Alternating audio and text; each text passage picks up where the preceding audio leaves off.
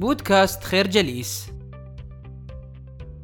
يتضمن النموذج العام لاستشراف المستقبل وفقا لمنظور فورس أربع مستويات أساسية وتبدأ هذه المستويات بالمداخلات والتي يمكن الحصول عليها عن طريق الإجابة على سؤال ما الذي يحدث الآن؟ أما بالنسبة للمستوى الثاني فهي مرحلة الاستشراف التي تتكون من التحليل والتفسير والبحث ويتم فيها الإجابة عن أسئلة ما الذي يبدو أنه يحدث؟ وما الذي يحصل فعلا؟ وما الذي يمكن حدوثه؟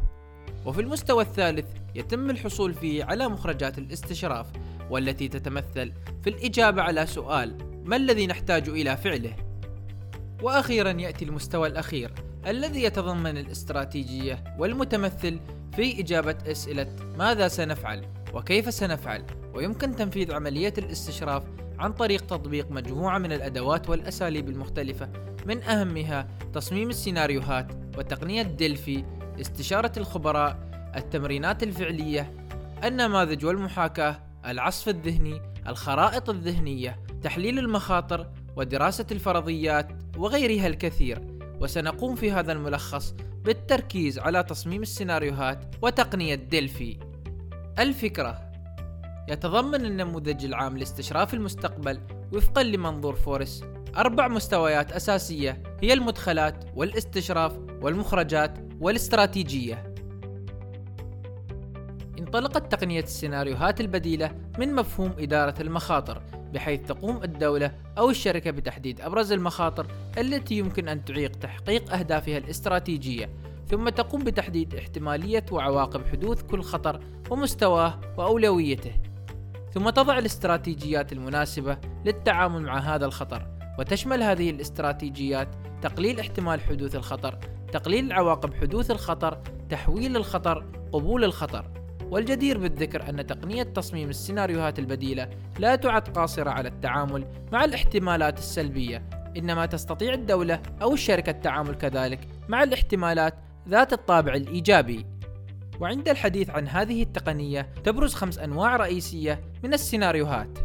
الأول هو السيناريو الاتجاهي أو الخطي والذي يفترض استمرار الوضع الحالي على ما هو عليه خلال فترة دراسة الموضوع.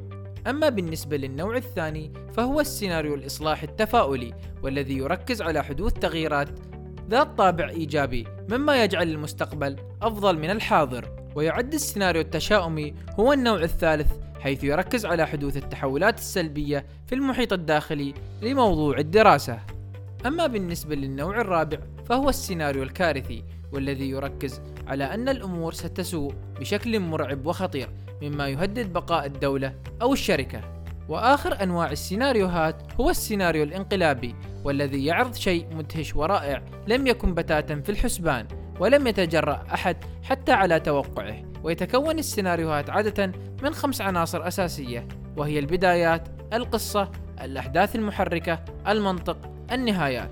ومن الأمثلة على استخدام تقنية السيناريوهات البديلة هي سوق النفط حيث تقوم الدول المصدرة للنفط بوضع سيناريوهات مختلفة بحسب الأسعار المختلفة للنفط والعرض والطلب والوضع السياسي والاقتصادي للدول المصدرة الأخرى. وبالتالي تحدد الكمية التي ستقوم بإنتاجها.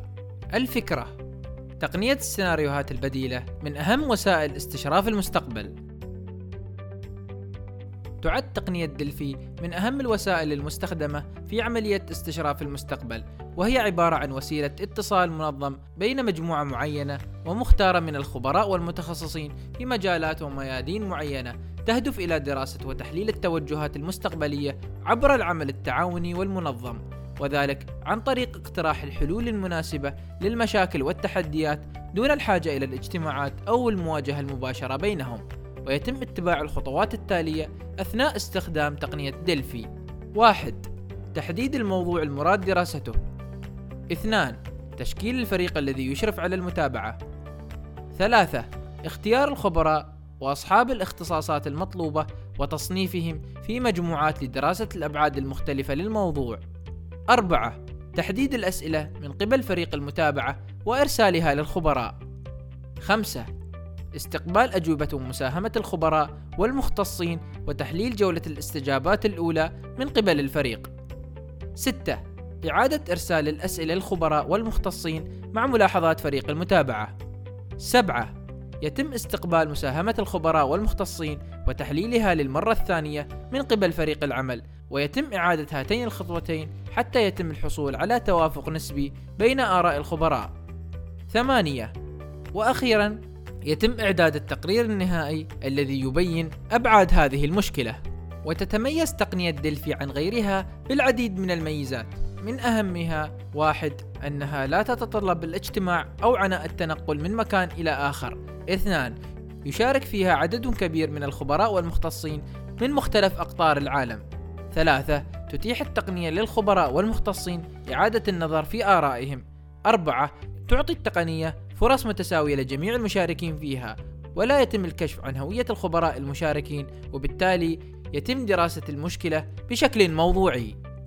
الفكرة تقنية دلفي من أفضل الوسائل المستخدمة في عملية استشراف المستقبل.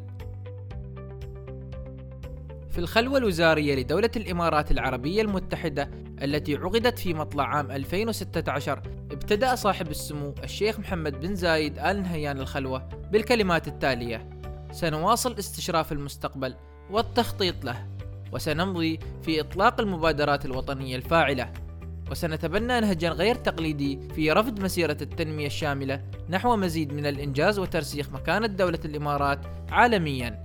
نطمح إلى اقتصاد إماراتي متين يعتمد على الصناعات المتقدمة والبحث العلمي ونتطلع إلى ابتكارات إماراتية تغير حياة الأجيال القادمة إلى الأفضل. وبهذا النهج والفكر قامت دولة الإمارات بتحويل القمة العالمية الحكومية إلى مؤسسة متخصصة في استشراف المستقبل تعقد بشكل سنوي كما قامت الدولة بالعديد من المبادرات التي ترمي إلى تشجيع الاستثمار في هذا المجال حيث تقوم الدولة بتوزيع جوائز سنوية على مسابقات في مجالات عديدة مثل أفضل استخدام لتقنية الدرون الطائرة بدون طيار جائزة الروبوتات والذكاء الاصطناعي. أفضل خدمة حكومية على الهاتف المحمول على المستوى المحلي والإقليمي والعالمي. وكذلك قامت الدولة ببناء أول متحف عالمي للمستقبل وإنشاء مؤسسات للمستقبل واعتماد أجندة حكومية لها. الفكرة إن صناعة المستقبل عامل أساسي لضمان بقاء الدول في دائرة التنافسية العالمية وأن العلوم والتكنولوجيا تغير مسار العالم بوتيرة متسارعة. نشكركم على حسن استماعكم. تابعونا على مواقع التواصل الاجتماعي لخير جليس. كما يسرنا الاستماع لآرائكم واقتراحاتكم. ونسعد باشتراككم في البودكاست.